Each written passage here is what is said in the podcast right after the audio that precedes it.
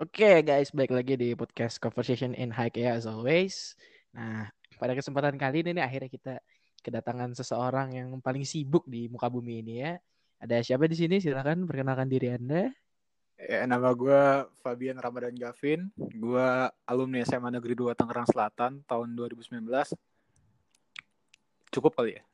Ya cukup gitu aja lah ya. Gitu aja lah ya. Gak usah banyak-banyak ya. Gak usah banyak-banyak udah. Oke. Gimana Vin karir karir FIFA-nya masih jalan?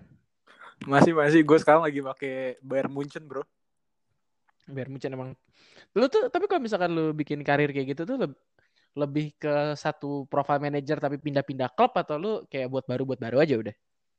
Gue tergantung situasi sih. Kadang gue suka sih satu profile, terus eh, satu profile mana- manager, gue ganti-ganti tim gitu karena gue udah udah PW sama manajer yang gue buat. Ya itu juga bisa sih. Iya. Soalnya kan tergantung penawaran dari klub lain juga kan biasanya jarang ya. Iya ini gue main pakai Bayern Munchen juga tawaran dari Bayern Munchen juga. Gue tadinya pakai Inter Milan kan. Mm-mm. Terus pas gue lagi juara-juaranya, lagi oke banget lah tim asuhan gue. Terus dapat tawaran dari Bayern Munchen. Terus ya udah gue ambil aja lah. Iseng-iseng Iya. buat apa namanya main di Liga Jerman kan di Bundesliga. Mm-mm. Tapi kalau misalkan lu lagi megang tim terus timnya tuh lagi bagus-bagus ya. Hmm. Tapi ketika lu dapet tawaran dari tim bagus yang lagi jelek itu kayak ada tantangan tersendiri juga kan. Jadi kayak itu bawahnya pengen nyoba gitu. bawahnya pengen nyoba, bener banget. Gue juga gitu. Gue lagi megang Leicester, sama gue. Gue ninggalin Inter Milan. Tiba-tiba suruh megang Real Madrid. Kan tapi Real Madrid lagi jelek banget Vin waktu itu Vin. Lo pakai apa? Gue pakai Leicester. Terus? Musim kedua. Musim pertama gue finish 4 besar. Musim kedua ini pertengahan udah peringkat satu udah kayak udah bakal fix bakal juara. Tiba-tiba gue dideketin sama Madrid yang lagi peringkat 7 dan lagi kacau banget lah manajemennya. Lo ambil akhirnya. Pas gue ambil anjir gak, gak tau kenapa gue kayak ah fuck lah. Nyesel juga sih kadang-kadang tapi soalnya susah juga cuy ngebangunnya.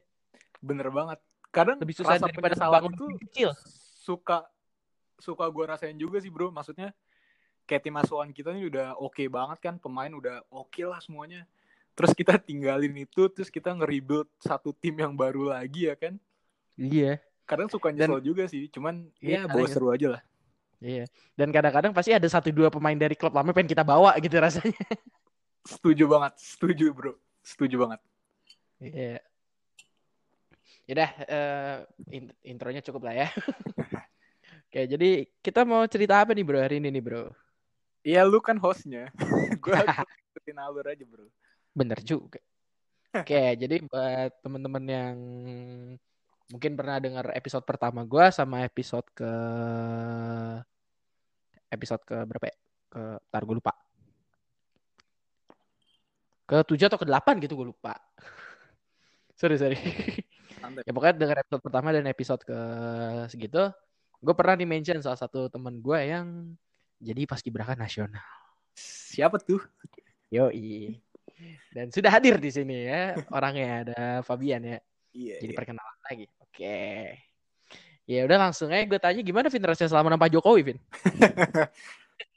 ya gue sebagai manusia biasa ya anak SMA biasa bisa datang ke istana negara terus saliman sama RI 1 ya rasanya luar biasa lah bro pastinya Tapi pernah gak sih terbayang di kepala lu kalau lu bakal salaman sama Pak Jokowi gitu? sama sekali nggak pernah bro gue kan ikut paskib ya lu tau lah ceritanya maksudnya gue tuh cuma iseng doang sebenarnya ikut paskibra itu Mm. terus karena ada seleksi seleksi seleksi pertama tingkat kota ya kan tingkat kota lulus terus tingkat provinsi lulus sampai ke nasional ya gue nggak pernah ngebayangin sama sekali gitu loh bahwa gue bisa sampai ada di titik itu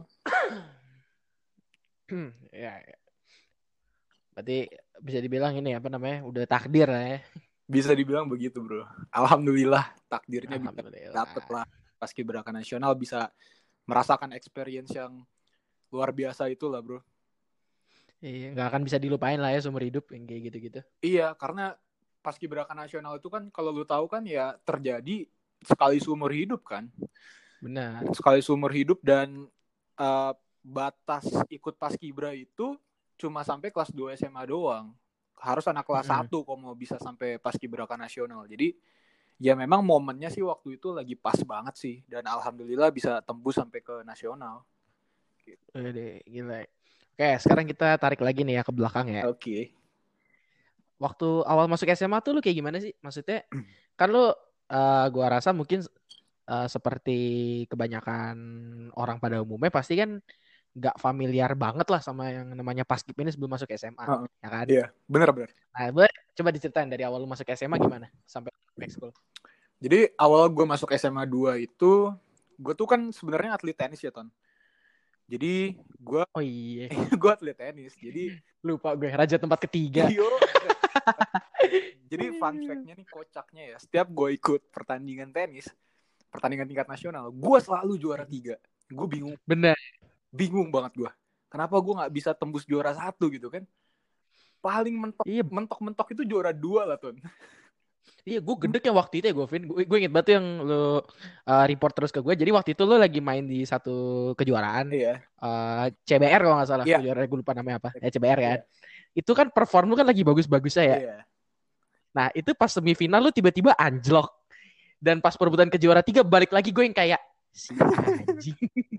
Kenapa sih? Makanya mau mau ke apa namanya mau ke juara dua, oke lah bisa gitu kan. Tapi mau tembus ke juara satu tuh rasanya susah banget. Iya tapi tingkat apa pun lu juara tiga gitu. loh. Makanya itu yang gue bingung gitu. Coba lu ikut Grand Slam deh. Gue rasa lu juara tiga juga. Juara tiga apa ya?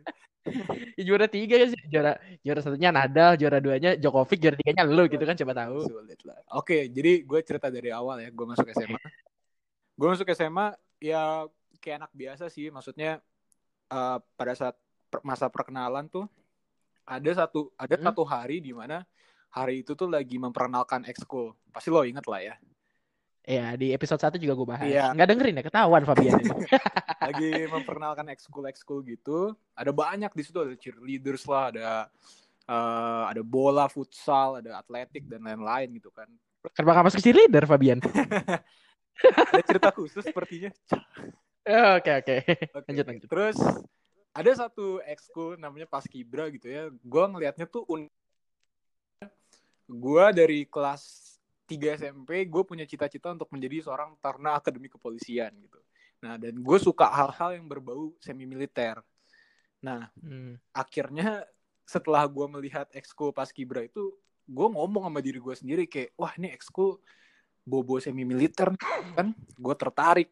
Akhirnya gue cari info, gue cari info, gue cari info, dapatlah info bahwa itu ekskul Paskibra dan ekskul Paskibra Hmm. ini adalah salah satu ekskul yang ngetop lah di SMA 2 ya di sekolah kita karena alumninya itu sudah ada tiga orang yang tembus ke Paskibraka nasional katanya sih Betul. itu nah dari situ Iya.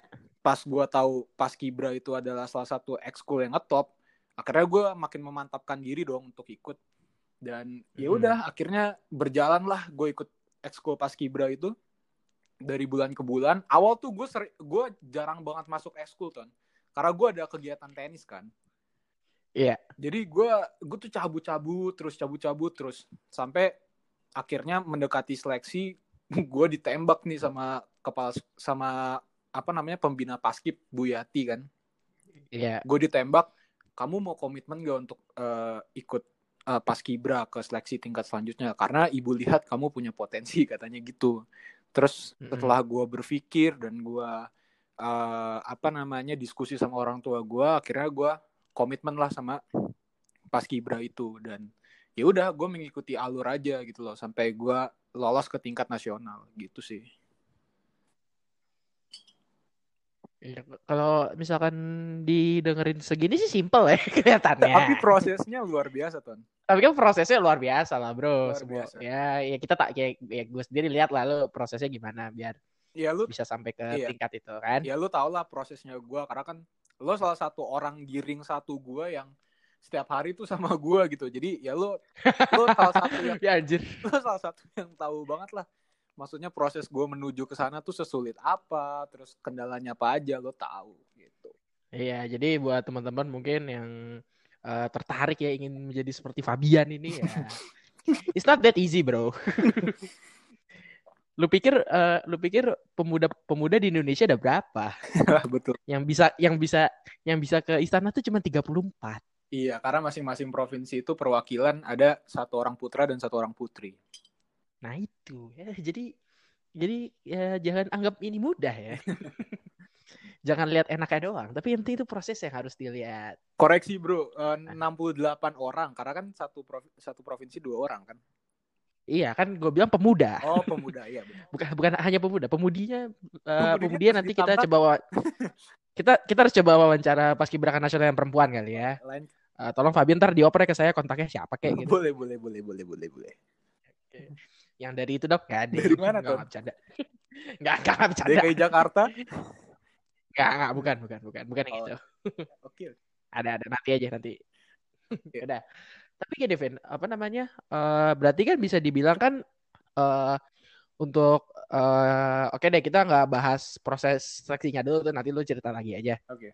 Nah, eh berarti kan kalau dari yang tadi udah lu ceritain barusan, berarti teman-teman eh, teman-teman juga bisa punya anggapan kalau lu berarti kan bisa dibilang ada satu titik lu harus memilih antara tenis lu off dulu untuk fokus menuju seleksi karena itu kan waktunya bisa tiga bulan lebih ya bro ya kalau gitu kan Iya, karena memang seleksi itu eh, waktunya panjang, Bro. Jadi otomatis gue harus ninggalin tenis juga kan. Iya. dan itu reaksi teman-teman tenis lu mungkin pelatih lu dan segala macamnya gimana soalnya kan lu kan di tenis kan ya ya penunggu perunggu lah ya bisa dibilang ya kan it but I mean it's not that bad bro it's good lah for eh, apalagi nasional kan skalanya kan. Iya, iya.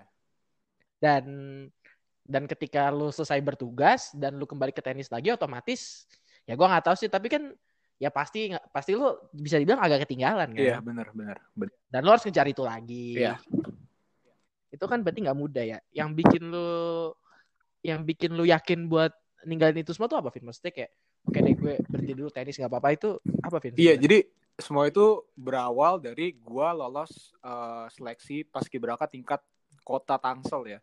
Jadi di situ Mm-mm. eh, memang banyak orang, banyak eh, pembina-pembina tuh meyakinkan ke gua bahwa coba deh kamu fokus dulu ke paskibra. Ya ini jalannya insya Allah bisa Bi- eh, potensinya ada, terus jalannya juga ada. Coba kamu fokusin dulu eh, masalah tenis, coba dikesampingkan dulu. Akhirnya gue diskusi sama nyokap gue gue diskusi gue mikirnya gini ton. Kalau misalkan tenis itu kan gue masih bisa panjang lah ibaratnya. Karena gue juga masih muda kan. Tapi kan kalau pas kibra Mhm. ini gue kan eh, waktunya tuh terbatas banget ton. Gue gue cuma bisa kelas 1 SMA doang untuk menjadi seorang paskibraka nah akhirnya dengan segala pertimbangan yang gue diskusikan sama orang tua gue akhirnya gue fokus ke paskibraka ke paskibra itu. Ya gua gua fokusnya itu ya gua fokus latihan terus gua juga fokus latihan fisik juga fokus latihan ada psikotes juga dan lain-lain gitu loh. Jadi memang eh, titik poinnya tuh di situ gitu. Karena gua berpikir bahwa paskib ini waktunya sangat limited. Kalau tenis gua masih bisa ke depannya gue masih bisa tanding-tanding lagi gue gue masih bisa main lagi. Tapi kalau paskib ini sangat-sangat terbatas akhirnya gua memilih untuk fokus ke paskib dulu gitu. Oke, Gitu. ya, benar sih benar. Untung ya, untung logika lu ya. Soalnya kan menurut gua untuk keluar dari keluar dari zona nyaman untuk terjun ke suatu tempat yang well mungkin nggak nol-nol Ya. banget tapi yang lu masih asing itu kan butuh keberanian dan pengorbanan yang besar. Iya memang karena kan gue sama sekali nggak tahu paskib dan ya gue terjun ke sesuatu yang gue nggak pernah tahu itu apa gitu loh. Gue tuh masih abu-abu tapi alhamdulillahnya banyak teman-teman gue, banyak pembina-pembina tuh menuntun gue. Maksudnya mengajari gue sedikit demi sedikit tentang paskibra ya dan akhirnya gue bisa ya alhamdulillah menguasai itu gitu. Iya. Oke, mungkin buat ini nih buat gambaran buat teman-teman yang berminat nih. Coba dong Vin diceritain proses seleksinya dari awal tuh yang di suatu sekolah SMP itu sampai sampai akhirnya lu meninggalkan kita semua untuk seleksi di Serang ya berarti iya ya di Serang karena gue kan perwakilan dari provinsi Banten. Nah, itu coba dong diceritain dari awal gimana tuh prosesnya. Iya, jadi seleksi awal tuh paling awal tuh sebenarnya seleksi sekolah ton.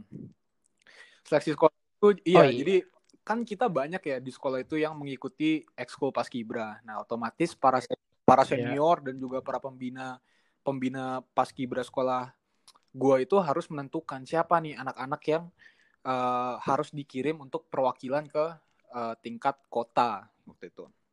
Ya udah akhirnya terpilih lah gua gua sama Catherine. Kalau para pendengar nih nonton cerita apa namanya podcast yang uh, FK Erlangga ya tuh nih.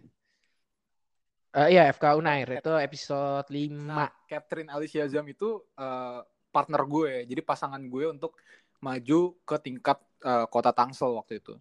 Nah di situ gue hmm. yang lainnya gimana Vin? Kan ada lagi. kan ada lagi. Kan lu tidak oh, berdua kalau maju ke kota. Gua, gua, uh, Arkan ada namanya. Uh, gua. Ya. Uh, gua Arkan sama, duh kok gue lupa ya satu lagi. Uh, Raffi, Raffi, sama Raffi. Eminem, Eminem. Raffi itu adalah cabutan. Ada temen gue basket yeah. tinggi banget dan akhirnya dicabut gitu. Nah oke okay lah gue, mm -hmm. akhirnya gue seleksi di uh, SMP 11 waktu itu.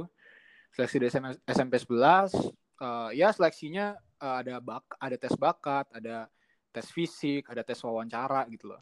Dan ya akhirnya setelah seleksi selama dua hari tuh, kalau nggak salah atau tiga hari, gue dapet ranking satu tuh di kota Tangsel dapat ranking wow. satu nama gue disebutin pertama gue bener-bener kaget banget. Karena uh, eh, gue tuh nggak tinggi tinggi banget sebenarnya. Tinggi gue tuh 177 cm sedangkan teman-teman gue tuh rata-rata tingginya 180 183 ya gue sebenarnya agak-agak minder juga gitu loh. Karena teman-teman gue tinggi banget kan. Dan gue cuma 177 mm -hmm. cm cuman ya alhamdulillah gue bisa tembus gitu ranking satu di Tangsel. Akhirnya gue mendapatkan pelatihan untuk persiapan ke tingkat uh, provinsi Banten waktu itu seleksinya di Serang. Nah, gue lupa persiapannya berapa. Kalau nggak salah sih sebulan atau dua bulan gitu. Jadi anak-anak pergi sekolah, gue dan anak-anak yang terpilih dari kota Tangsel untuk seleksi di provinsi Banten itu latihan tiap pagi ton. Waduh, Jadi, latihan di mana bro?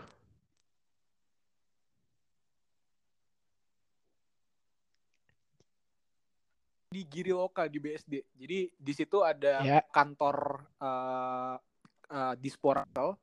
Halaman belakangnya itu halaman belakangnya itu kita pakai buat uh, latihan paskip itu. Perwakilan dari Tangsel menuju ke Provinsi Banten. Gitu. Nah, yang mewakili dari Tangsel ke Provinsi Banten itu juga bukan cuma gua doang ya. Ada ada gua, terus ada dari sekolah SMA Santa Laurencia dan SMA SMA lain lah pokoknya total tuh di dikirim tuh sekitar empat pasang atau lima pasang gue lupa. Nah, habis itu kita latihan-latihan dengan pembina paskibra juga dengan pelatih paskibra dari kota Tangsel selama dua bulan kalau nggak salah. Habis itu memang kita dipersiapkan untuk uh, seleksi tingkat Banten ya. Nah selama latihan itu banyak drama lah ibaratnya. Karena memang kita di situ benar-benar dipersiapkan banget mental kita diuji, fisik diuji juga. Malah sampai ada yang sakit-sakit juga karena memang iya. latihannya yeah. intens banget gitu loh. Buat syukuran anak SA itu cukup intens gitu. Tapi sebenarnya sejujurnya gue nggak begitu keberatan ton karena gue udah terbiasa hmm. gue udah terbiasa latihan uh, fisik secara berat gitu ya jadi Wede, luar menurut gue fisiknya nggak nggak terlalu gimana gimana lah gitu anjay maksudnya gue gue masih bisa handle gitu ton soalnya kan banyak juga orang-orang banyak juga orang-orang yang ikut basket mm -mm, bener, bener. karena mereka nggak ada basic fisik banyak yang tumbang ton. Banyak sakit dan lain-lain gitu loh. Dan alhamdulillah gue nggak pernah sakit nggak pernah tumbang. Yeah. uh, bukan nggak pernah sih pernah sesekali cuman ya jarang lah gitu. Nah yaudah akhirnya gue seleksi di tingkat provinsi Banten. Uh, gue perwakilan kota Tangsel. Ada juga perwakilan kota Tangerang, terus uh, Kabupaten Pandeglang dan lain-lain gitu loh dengan teman-teman yang lebih beragam di situ. Dan waktu itu seleksinya di situ gue nginep gue nginep di Hotel Mahadria Serang. Uh, di situ uh, seleksinya lebih ketat lagi ya karena kita seleksinya di diketuain sama uh, kepolisian Banten. Jadi tes fisiknya sama polisi terus tes kesehatannya sama polisi. Pokoknya banyak sama polisi lah di situ Nah, abis itu ya alhamdulillah gue mengikuti seleksi itu dengan baik dan akhirnya sampai hari Waduh. terakhir Gimana tuh? pas Pantohir ini nih dramanya luar biasa banyak. Bener-bener iya bener-bener gimana ya? Pokoknya uh, ya termaksud Buyati Mm, terus benar, benar, orang-orang di, benar. Kabu- di kota Tangsel tuh pada nungguin kabar gue nih si Vino si Vino masuk atau enggak gitu loh karena waktu itu yang masuk ke satu ruangan jadi gini eh, proses pantohir itu Hmm. jadi orang-orang yang 10 besar nih yang terpilih dari 80 orang itu dimasukin ke satu ruangan. Di situ kita menghadap eh, Kadispora kita menghadap orang-orang eh, kita menghadap orang-orang penting di situ eh, untuk dipilih gitu loh. Dan Yang memang waktu itu perwakilan dari Tangsel tuh cuma gua doang ton. Jadi Oke. memang Oh, putranya gua putrinya ada satu Oh, dari putrinya ada satu dari pembangunan jaya namanya Caca. Nah gue sama Caca tuh masuk ke, ke ruangan itu mengikuti pantohir lah. Nah akhirnya teman-teman gue yang di luar tuh pada calling callingan kan Iya. sama uh, pembina yang ada di Tangsel. Ngasih kabar lah bahwa ini Vino nih masuk ke 10 besar bla bla bla. Nah di dalam itu ya kita disuruh ngomong bahasa Inggris disuruh pidato bahasa ah ada kali ya satu jam satu setengah jam tuh di gitu Nah, habis itu gimana tuh?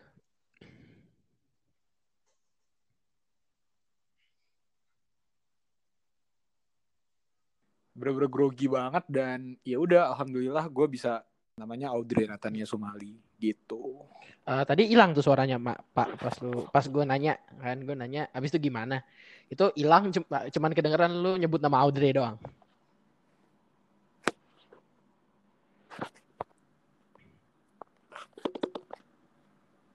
Iya, dan hilang lagi.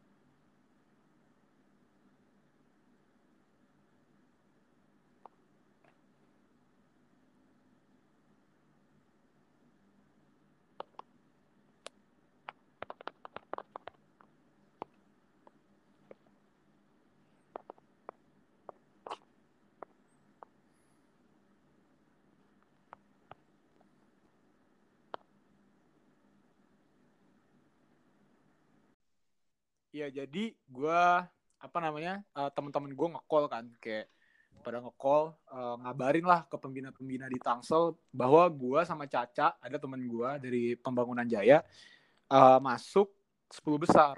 Nah setelah itu uh, gue di, di dalam selama satu setengah jam pantohir satu setengah jam gue di dalam gue ketemu petinggi-petinggi di situ uh, ketemu Kadispora ketemu para pembina-pembina paskibraka yang udah uh, berpengalaman juga dan akhirnya setelah gue mengikuti itu semua ya alhamdulillah gue terpilih menjadi perwakilan dari provinsi Banten untuk paskibraka nasional tahun Yeay. 2017 dan dan pasangan gue dari Kabupaten Tangerang Hmm. namanya Audrey Natania Sumali Oh, gitu. luar biasa ya. Eh, itu berarti eh Ya. Eh, lo kepilih berdua sama Audrey kan? Audrey ya namanya tadi ya? Yap. Da- Jadi satu dari Tangsel, satu dari Tangerang. Iya Kabupaten Itu Tangerang. maju ke nasional ya. Itu ingat Iya. gak bulan apa pengumumannya? Em, bulan eh, Juni tahun kalau nggak salah. Sorry, Enggak, enggak, enggak mungkin, Juni. enggak mungkin, enggak mungkin. Juli. Makin enggak mungkin. Lo gila apa gimana? Gue nggak gue lup eh sorry sorry sorry sorry nggak Juli tahun Enggak mungkin, Ju- enggak mungkin Juli, Vin, enggak mungkin. Juli Nggak, Juli, nggak. sumpah tapi Gue ya Juli akhir Mei akhir atau Juni awal gue yakin. Mei ah Mei akhir Mei awal malah gue rasa antara Mei awal sampai Juni awal kok cep cepet Vin pengumumannya Vin. Enggak enggak ini yang waktu gue diumumin jadi paskibraka nasional atau gue mengikuti pelatihan paskibraka Iya nasional. umum menjadi paskibraka pelatihan lu Juli baru. oh, lo, kalau lo melewatkan di- season 7 Game of Thrones gue inget. Iya iya iya, iya. oke oke. Kalau gue diumumin Uh-huh. itu ya sekitar Juni uh, Mei atau Juni, Uh-uh. tapi kalau gue di pelatihan itu bulan Juli. Oke, jadi ada misinformasi ya di sini ya, saudara-saudara. Oke, sebelum kita masuk ke lo di karantina, coba kita kita flashback dikit lagi kan, berarti lo diumumin kan ada jeda waktunya lumayan lah ya. Lumayan lumayan. Itu gimana tuh reaksi ya teman-teman di eh, teman-teman seleksi lo, teman-teman sekolah, pembina segala macam tuh gimana, Vin? Coba coba diceritain dikit. ya masyarakat yang beragam ya. Maksud gue ada yang senang tapi ada juga yang nggak senang itu udah pasti ya. Karena Ya. gue juga sebenarnya kaget juga sih bahwa gue membawa nama Tangsel gitu ya. Tapi tiba-tiba ada orang yang nggak senang. Bisa ada orang yang yang nggak senang gitu loh. Gue gue awalnya kaget tapi ya lama-lama gue belajar bahwa ya itu kehidupan gitu loh. Benar. Terkadang kalau kita mencapai sesuatu gitu ya, mencapai achieve sesuatu, pasti ada orang yang senang tuh pasti dan eh, orang yang gak senang juga pasti ada gitu loh. Jadi ya gue banyak belajar juga di situ gitu loh. Tapi ya alhamdulillah teman-teman gue, teman-teman dekat gue, mereka semua support gue, termasuk teman-teman di sekolah juga, terus Hmm. keluarga juga, mereka mensupport gue semua gitu loh. Gitu. Oke, oke. Eh, berarti berarti kan otomatis nih lo kan sudah eh, ibaratnya kan udah selangkah lagi menuju ke istana negara kan dengan lo diumumkan sebagai paskibraka nasional ya. Iya iya. Udah, Bener bener. kayak bener. udah udah tinggal berangkat doang. Waktu itu yang ada di pikiran lo nih ketika setelah lo jadi paskibraka nasional tuh apa gitu? Apakah lo merasa puas atau malah merasa terbebani atau kayak merasa termotivasi atau gimana coba? Iya, gue setelah gue selesai bertugas gitu ya, gue gua uh, apa namanya secara resmi menjadi Purna Paskibraka Nasional tahun. bukan itu mas pertanyaan saya mas. pertanyaan saya setelah anda dinyatakan sebagai perwakilan Banten. Oh setelah tad- oh setelah gue di uh, setelah gue jadi apa namanya dinyatakan sebagai perwakilan Banten ya. Iya betul. Uh, perasaan gue uh, pastinya gue puas lah karena gue mencapai titik ini tuh bukan cuma perjuangan gue doang. Iya. perjuangan semua orang gitu loh. Ya di situ ada perjuangan nyokap gue yang tiap pagi apa namanya masakin gue makanan tahu telur sop itu. Makanan Itu kan- sial itu ya 3 T 1 S karena kan itu karena itu kan gue apa namanya harus bawa bekal itu kan pagi ton. Iya Gua kan benar. Rumah lu jauh. Berangkat berangkat latihan tuh gue jam 5 pagi. Jadi otomatis nyokap gue bangun masakin itu semua jam 4 jam setengah 5 ton. Mm-mm. Kan otomatis itu bukan cuma perjuangan gue doang, tapi perjuangan nyokap gue tuh pasti. Iya. Habis itu perjuangan pembina eh, ekskul paskibra di sekolah kita juga eh, Bu Yati itu juga luar biasa. Hmm. Eh, apa namanya andilnya dalam eh, apa namanya karir gue di paskibra ini Mm-mm. eh, dari dia mensupport gue, terus dia banyak lah hal-hal yang yang dia support ke gue gitu loh. Iya. Ya, dan pastinya setelah gue diumumin, gue merasa senang juga dan merasa bangga. Tapi dalam satu sisi juga, gue merasa harus bertanggung jawab dengan uh, amanah yang telah diberikan ke gue gitu loh. Karena gue membawa nama provinsi Banten, ton. Iya. Uh, dan gini, dan yang lebih uh, membuat gue terbebani adalah, jadi senior gue uh, tahun 2016, Mhm. uh, Aditya Ersya Lubis, Iya. itu perwakilan dari provinsi Banten dan dia bisa menjadi uh, pasukan 8. Dia itu Wow. pengerek. Dia tuh pengerek pasukan 8 pagi tim Arjuna. Nah, itu Wow. otomatis banyak uh, pembina-pembina di Banten itu mengharapkan gue bisa kayak dia gitu loh. Jadi otomatis gue sangat terbebani juga sih sebenarnya dengan ekspektasi kamu harus bisa masuk pasukan 8 gitu. Hmm. Gitu. Oke. Lumayan. Berat itu ya. Berat banget. 8 Berat. pagi. Keren banget anjir. 8 pagi itu Luar biasa gua akui sih. buat anak kelas 1 SMA bisa bertugas pasukan 8 pagi itu gue akuin luar biasa karena gue pada akhirnya juga merasakan perjuangannya untuk mencapai ke pasukan 8 dan itu luar biasa. Ya, Oke. Sekarang ini ya cerita yang ditunggu-tunggu warga nih. Ah, ah, Oke, gimana nih ceritanya ketika eh, di Cibubur ya lu kalau nggak salah ya latihan eh, karantinanya ya? iya di Wisma Sugondo Joyo Puspito Cibubur. Oke, ceritain dong dari pertama kali nih menji- menginjakan kaki di Cibubur sampai sampai akhirnya lu nongol di TV tuh coba diceritain dong prosesnya. Kalau bisa yang lengkap Itu ya. Itu long proses sih bro. Maksudnya gue latihan di situ tuh kurang lebih tiga minggu ya. Jadi memang ya walau tiga minggu doang, tapi itu sesuatu yang luar biasa berada di situ. Intinya gini. Jadi setelah gue terpilih menjadi paskibraka nasional, otomatis gue riset dong. Apa sih itu pas, maksudnya paskibraka nasional? Gimana sih latihannya dan lain-lain. Dan akhirnya gue uh, ngelihatlah di Google, gue melihat di risetan gue tuh bahwa oh latihannya di Cibubur dan ini asramanya, ini lapangan latihannya gitu loh. Setelah gue pertama kali datang ke Cibubur, gue ngelihat lapangan yang luar biasa besar ton, yang tempat biasa latihan 17 Agustus. Sebenarnya kayak jatuhnya tuh kayak gue mikir kayak wah ini kan yang selama ini gue lihat di uh, di komputer gitu loh, di laptop gue dan gue bisa di sini secara real gitu loh. Nah, itu perasaannya bangga luar biasa gitu loh. Dan ya udah akhirnya gue masuk ke Wisma, terus gue berkenalan dengan uh, teman-teman dari provinsi lain, ada yang dari Jawa Barat, dari Papua, dari Sulawesi, dan pokoknya semua provinsi di Indonesia lah. Dan uh, lucunya mereka semua tuh bener-bener welcome banget gitu loh. Maksudnya uh, satu sama lain tuh bener-bener uh, baik gitu loh. Jadi gue pun ngobrolnya, pendekatannya pun juga enak sama mereka. Oh iya iya. Dan uh, apa namanya di dalam wisma itu ya kita latihan uh, apa namanya latihan sama pelatih, terus juga diajarin hidup disiplin. Jam 4 tuh kita udah harus bangun, lari pagi, terus sarapan.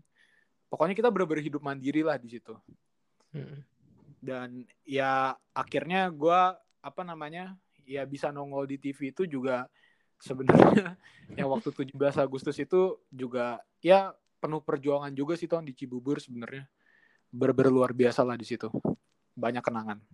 Oke, uh, ada nggak kira-kira di sana teman-teman dekat lo yang bener-bener kayak ya ya lo kan rame lah di sana 64 orang ya. Iya.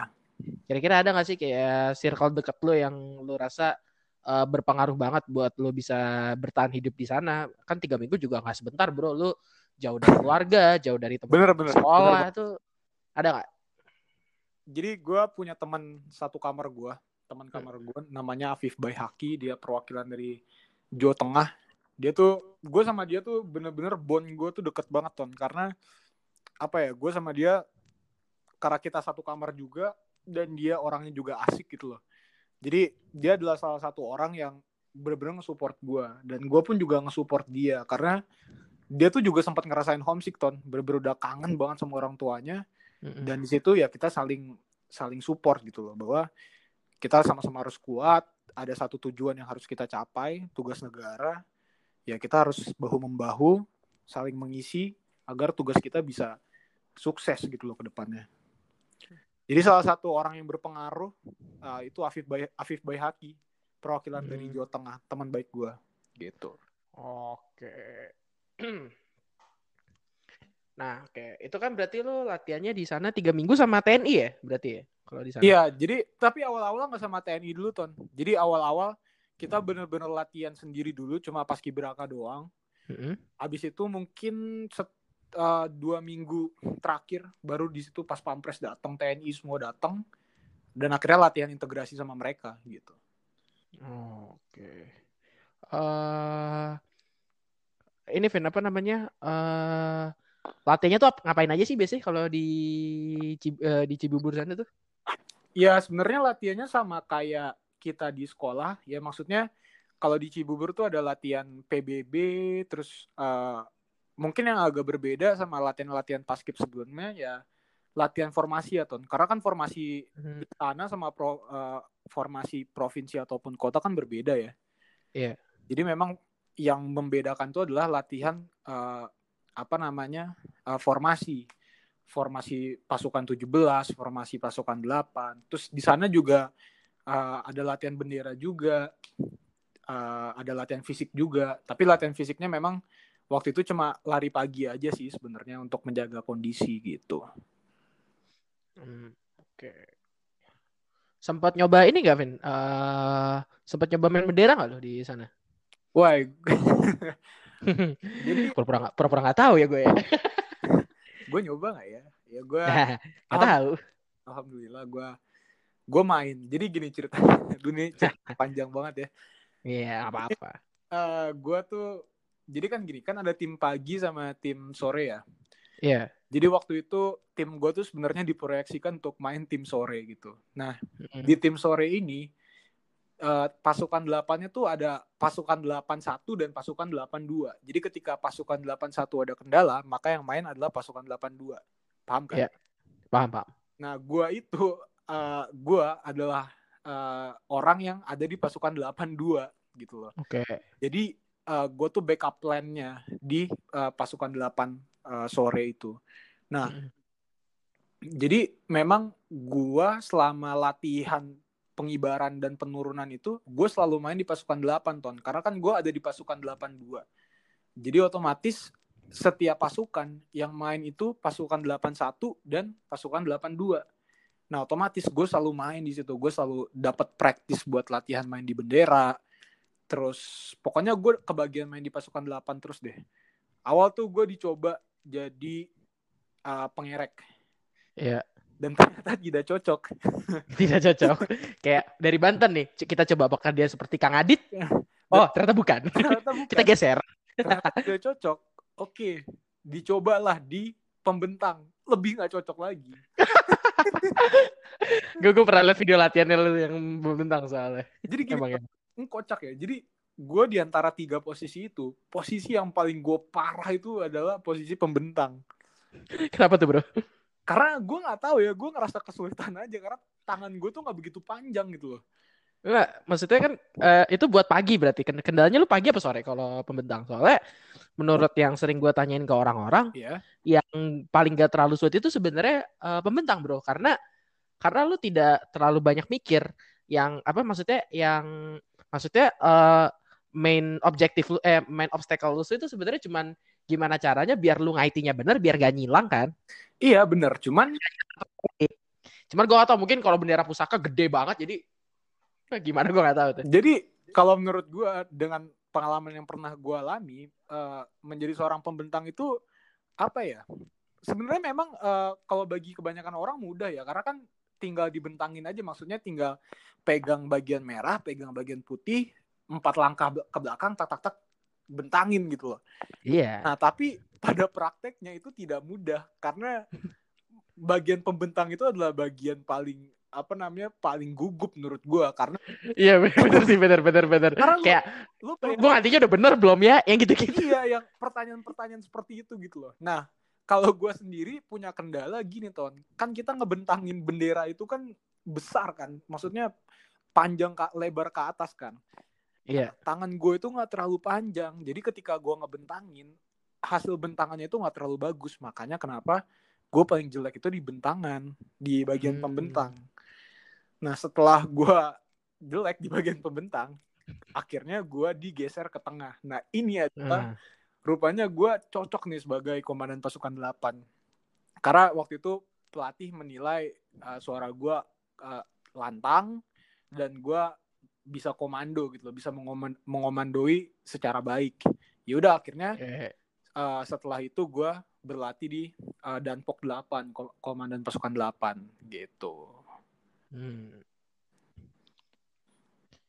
Nah, terus endingnya kenapa bisa nggak dapat pada akhirnya? Apa? Karena itu yang 8 karena 82 tadi apa ada faktor-faktor lain kah? Uh, jadi gue nggak dapat Danpok 8 itu karena ada kesalahan gua. Memang itu kesalahan uh, tiga pengibar sih. Kesalahan gua Hmm. jelas, terus kesalahan ada memang kesalahan pengerek juga dan ada kesalahan uh, pembentang juga. Jadi waktu itu memang Oh. kita lagi main di depan uh, kasat dan pada saat itu benderanya uh, apa namanya naiknya itu tidak tidak pas dengan uh, lagu Indonesia Raya Oh, berarti di bendera ya kesalahannya. di bendera. Dan ya tapi walau me- me- memang itu kesalahan di bendera cuman gue sebagai komandan pasukan 8 jelas orang pertama yang harus disalahkan gitu loh. Jadi setelah setelah kejadian itu pun gue ngumpulin anak-anak ke kamar gue kira kita diskusi ini gimana? gitu loh. Karena gue gue pun juga mendapat teguran keras dari pelatih kan. Karena memang eh, so far selama itu nggak ada masalah gitu main di pasukan 8 dan kita ngerasanya juga feedback dari pelatih pun juga bagus-bagus aja gitu loh. Wah kayaknya kita bisa main nih gue bilang gitu. Kalau kita nggak ada kesalahan. Tapi pada pada hari itu ada kesalahan yang cukup fatal dan dapat tamparan dari Hmm. pelatih ya udah akhirnya malamnya gue kumpulin anak-anak terus gue bilang ya udah kita harus tetap fokus sekarang. Pokoknya kesempatan yang diberikan oleh pelatih kita jalani sebaik-baiknya. Dan memang pada hari hanya mungkin belum rezeki kita bertiga gitu sih Hmm, Oke lah. gitu Oke, eh sekarang kita masuk ke ini nih, sebelum bagian utama ya. Eh suka dukanya selama latihan apa Ben? Selama latihan pengibaran selama di sana? di Cibubur ya Iya, suka dukanya selama latihan. Iya sukanya jelas gue ketemu teman-teman dari 34 provinsi yang luar biasa yang kita tuh punya satu hobi yang sama ngumpul di satu tempat jadi enak lah pokoknya asik gitu loh. Tapi dukanya juga adalah ya gue nggak bisa ketemu keluarga itu pasti ya. Walau ada satu hari di mana kita bisa dikunjungi oleh keluarga kita tetapi kan itu kan cuma sebentar doang ton. Paling cuma Mhm. 15 sampai 20 menit doang habis itu kita harus ada kegiatan lain lagi gitu loh. Jadi Dan dan itu juga nggak semua nggak sih bisa dijenguk Iya. kayaknya yang jauh-jauh banget kan bener ya ribet juga ya kalau terbang cuman untuk ketemu sekitar sekedar 20 menit. Iya, karena teman-teman gue yang dari Papua juga, ya pada akhirnya mereka nggak bisa nemu, mereka nggak bisa nemuin orang tuanya, ton, karena jauh banget kan. Iya. Jadi memang ya cuma yang terdekat-dekat aja kayak contohnya Jakarta, Banten, Jawa Barat, nah itu bisa lah ditengok. Tapi kan teman-teman gue yang dari Papua, dari Maluku, ya mereka juga harus menahan rindu juga gitu loh. Mm-mm. Ya memang tuh salah satu dukanya adalah gue nggak bisa ketemu orang tua, nggak bisa ketemu adik gue. Itu sih salah satu dukanya. Oke. Udah itu dong. Iya, itu doang sih. Sisanya pengalaman yang sangat baik menurut gue untuk ikut paskibraka nasional. Oke, sekarang kita masuk ke jadi kalau di dunia paskib itu ya eh, teman-teman eh, sebelum pengibaran itu ada yang namanya pengukuhan ya Fabian. Iya. ya. Nah itulah kalau buat nasional tuh itulah ada momen di mana akhirnya bisa bertemu bersalaman dan minum teh ya kalau nggak salah ya bersama RI 1 ya. Em, iya, benar, minum teh. Ah, Oke, tadi riset dikit gue. Iya. ya udah, boleh dong diceritain gimana tuh pada ceritanya akhirnya memakai seragam, memakai sepatu baru. Eh, udah baru sepatunya apa belum? Iya, kita semua tuh dapat di dari sana ya. Maksudnya kita dapat sepatu baru, terus PDH ya udah pasti lah ya. Maksudnya sepatu baru yang buat bertugas tuh dapetnya hari itu juga kan? Enggak, jadi eh, beberapa hari sebelum pengukuhan tuh kita kita disuruh nyoba dulu ton, disuruh nyoba PDH-nya kes- kesempitan atau kebesaran, apa udah pas atau belum, ukuran sepatunya udah oke atau belum semua. Terus pokoknya eh, semua peralatan yang akan kita gunakan sampai sarung tangan pun harus dicoba dulu gitu loh. Jadi kalau misalkan ada problem bisa dikembalikan dan digantikan dengan yang baru gitu. Oke. Eh, ceritain tuh gimana tuh prosesnya tuh? Dari pagi sampai akhirnya bertemu Pak Presiden. Jadi pagi gue gue tuh pagi tuh gladi kotor dulu. Jadi memang kita main gladi kotor, tak gladi kotor. Habis itu setelah makan siang kita Mm-mm. pengukuhan sama Pak Presiden, Bapak Joko Widodo waktu itu. Dan Pengukuhannya tuh siang ya apa? siang, Bro, siang. Oh, Siang. Pokoknya kita tuh main tuh cuma gladi kotornya cuma sebentar doang. Waktu itu gue inget. Habis itu kita persiapan ganti baju semua langsung ke eh, tempat pengukuhan waktu itu. Dan gue bener-bener ngerasa apa ya? Gue ngerasa terharu banget sih eh, waktu pengukuhan karena gue merasakan bahwa Indonesia ini adalah bangsa yang besar gitu loh. Karena kan di dalam Hmm. ruangan itu kan terpajang foto ada Pak SBY, terus eh, pokoknya mantan-mantan presiden kita lah Ton, yang luar biasa Mm-mm. dan di situ juga apa namanya menyanyikan lagu Indonesia Raya dan pokoknya gue ngerasa kayak Indonesia itu bener-bener bangsa yang besar dan nanti pada saat 17 Agustus kita harus ngasih yang terbaik gitu. Eh, Nah, tangannya Pak Jokowi rasanya gimana, Ben? Masih ingat gak? Masih ingat Aduh. gak? Bro udah tiga tahun lalu bro.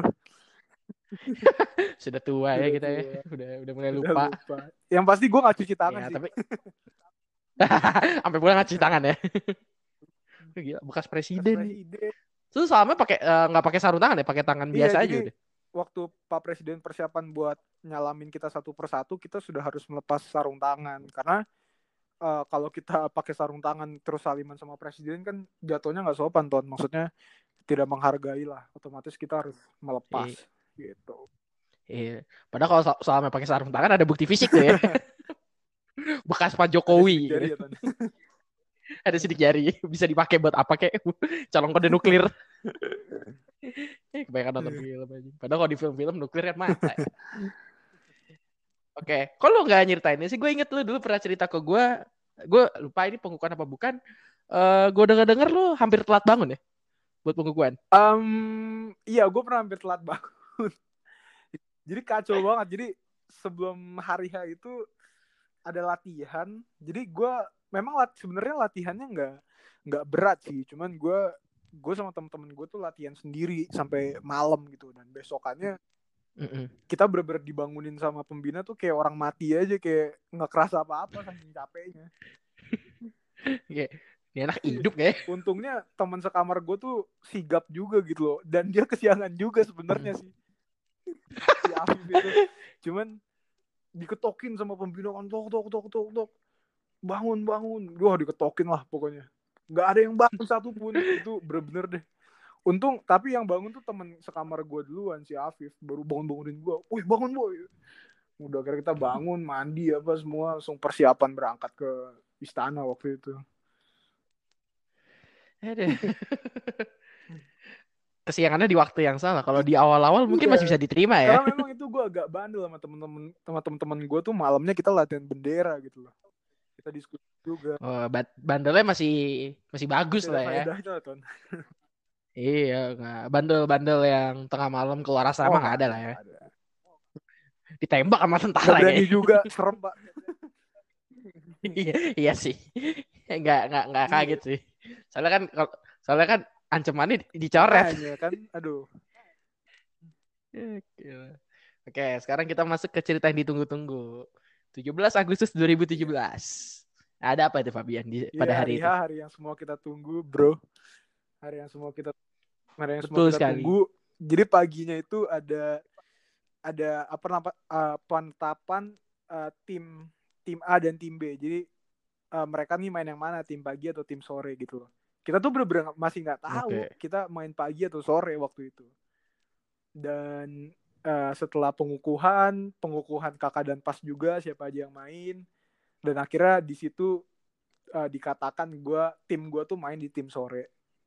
Ada yang kecewa, ada juga yang uh, seneng juga. Kecewa karena memang Mhm. banyak ekspektasi teman-teman gue untuk bermain di uh, pagi ya. Karena kan pagi itu kan dilihat sama semua orang kan, ya lu tau lah. Iya, benar-benar. Semua Iya, orang maksudnya ngeliat banget. banyak orang tuh terfokuskan ke pagi gitu loh. Sedangkan sore Betul. ada yang nonton tapi mungkin tidak Ada banyak banyak, juga. juga, cuman uh, feel-nya nggak Iya. pagi kali Nah, ya. Tapi di situ gue bilang ke teman-teman gue bahwa ya ini tugas gitu loh. Kita harus mensyukuri tugas. Kita harus uh, tetap fokus karena kalau misalkan nggak ada kita juga ya kan kalau apa namanya penaikan dan penurunan bendera ini kan di, bisa dikatakan sukses kalau benderanya sudah turun lagi kan ton.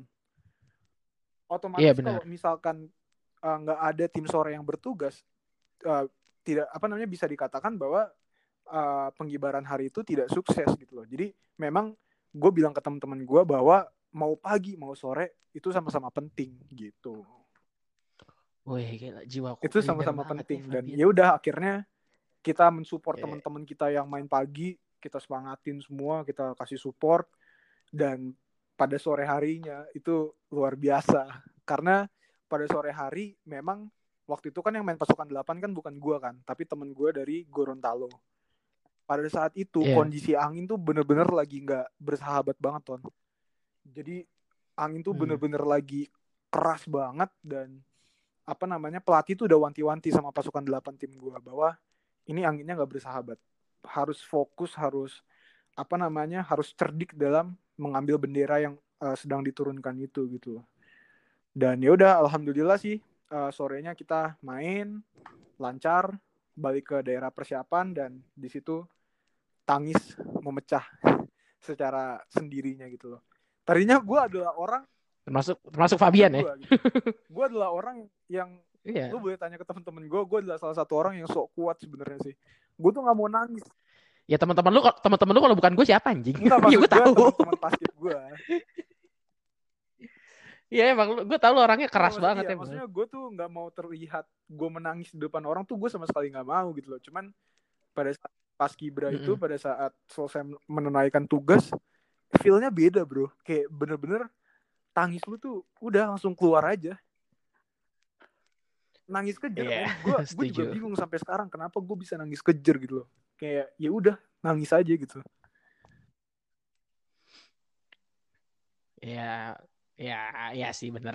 Kayak, ya mungkin itu karena, ya mungkin karena kan selama ini kan lu selama latihan banyak tekanan dan segala macam, tapi Iya, lu harus kuat kan. itu adalah komplikasi perasaan yang kita Nah, tahan ketika- dari beberapa bulan-bulan yang Iya dan lu tahan semua, ketika semua udah Keluar selesai, aja, udah keluar aja. mungkin itu sih jawabannya Iya, iya logikanya sih bener. gitu. Karena kalau di komunikasi tuh ada istilahnya, ah bacot jadi kayak kuliah kan lu, ah bacot lah, bodoh-bodoh. Kayak, hmm, sukses ya, alhamdulillah tugas saya pagi sore Iya, tidak ada masalah yang berarti ya. Tidak ada masalah yang berarti. Kita selesai menunaikan tugas. Alhamdulillah. Soalnya ini soalnya ini Vin, apa namanya?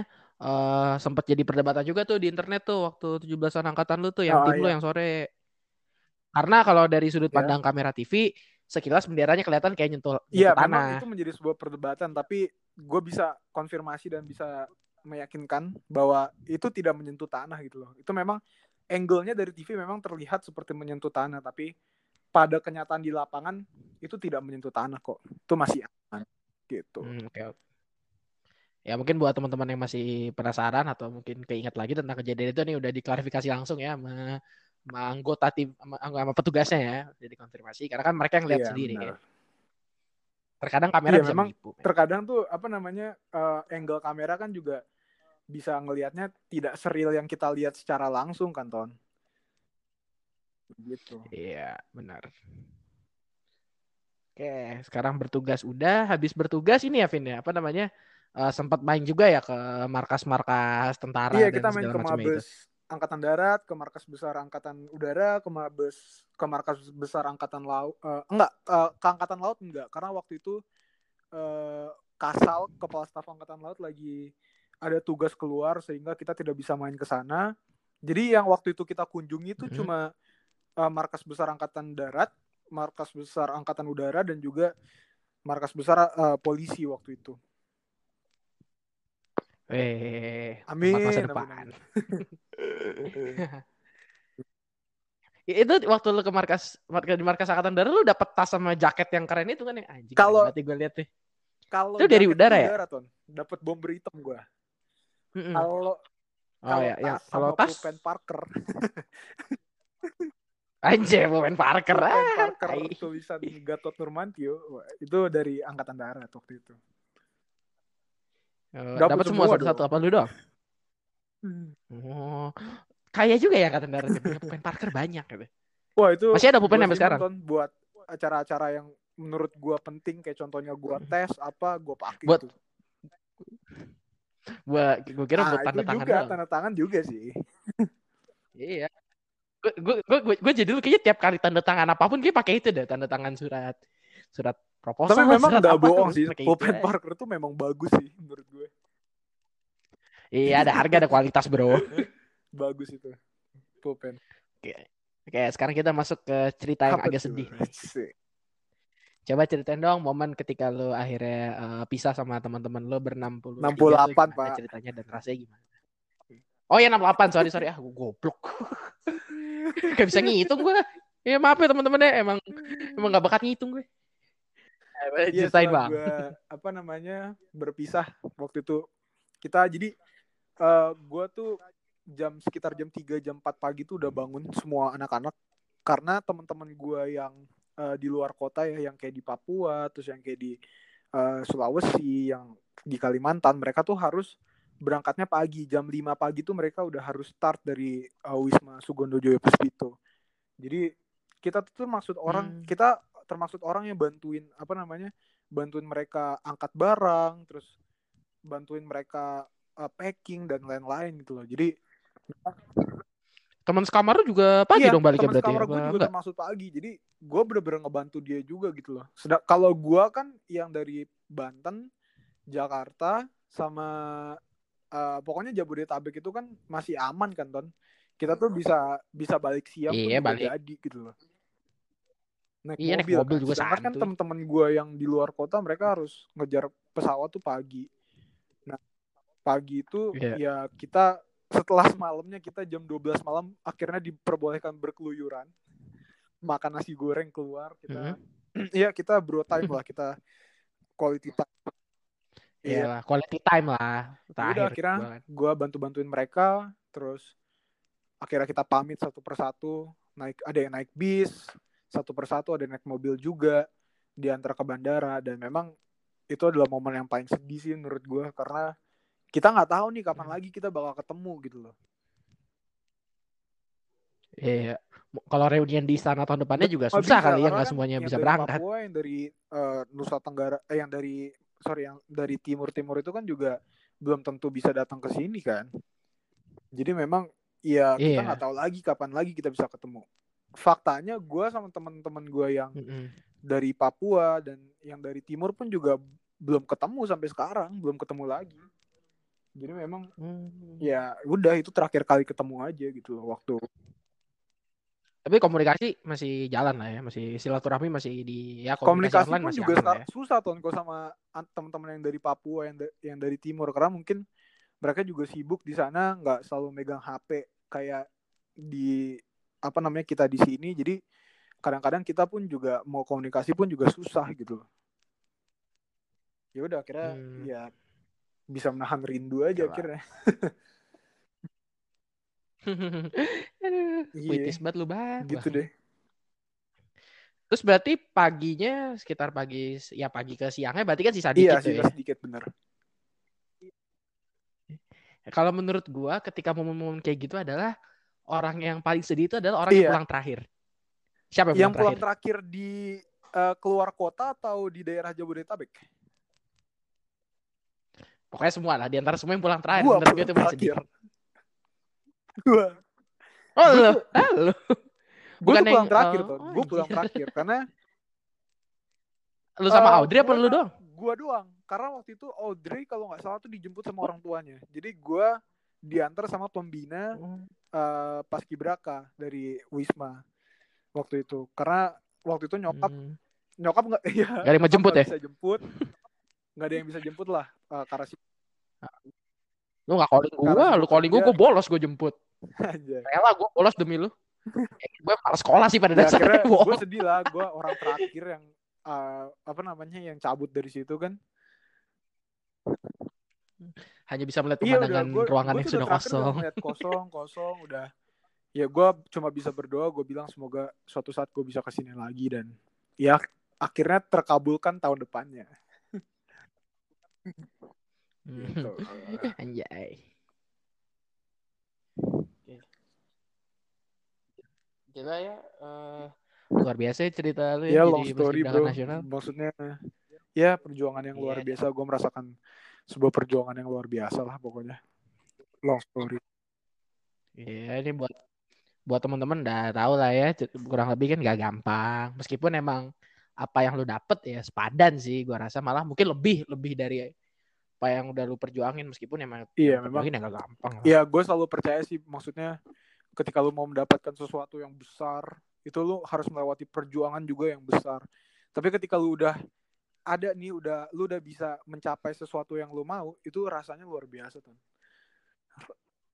Luar biasa rasanya. Luar biasa. Bener-bener pendapat gue. luar biasa deh gue nggak bisa ungkapin sama kata-kata pokoknya rasa bangga rasa puas dan pokoknya itu semua bercampur menjadi satu rasa-rasa sakit lu yang udah lu rasain rasanya lo dikerjain sama senior rasanya lo dikata-katain lo nggak akan bisa jadi paskibraka nasional dan lain-lain tuh perjuangan lo meninggalkan orang tua meninggalkan rumah itu pokoknya hilang aja rasanya gitu Iya. Oke, ini nih Ven. Sekarang kita masuk ke tips nih mungkin buat teman-teman yang ingin menjadi seperti lu gitu. Apa nih kira-kira? Iya, Saran lu buat gue mereka gitu. pokoknya ikutin aja alurnya itu yang pertama pokoknya di setiap kesempatan yang uh, diberikan kepada lo lo berikanlah yang terbaik kalau misalkan memang lo diberikan kesempatan untuk bisa mewakilkan sekolah lo ke tingkat seleksi yang lebih tinggi lo persiapkan diri lo lebih baik lagi secara fisik secara uh, mental secara psikologi terus secara wawasan juga lo harus perkaya diri lo agar nanti ketika lo bersaing dengan yang lain lo bisa menjadi bibit yang unggul dan diambil menjadi uh, ya harapannya bisa menjadi seorang paskibraka nasional gitu sih. Wis, gila, luar biasa. Ya, ya, ya bro, uh, bro ya, uh, Vino, thank you banget nih waktunya nih udah nggak kerasa ini udah sejam nih Vin kurang lebih agak. Thank you, thank you, thank you bro, thank you, thank you banget nih udah datang ke podcast lu yang luar biasa nih. Ah, biasa. Amin. Nanti uh, tolong dibantu promo biar teman-temannya dengerin aja. ya.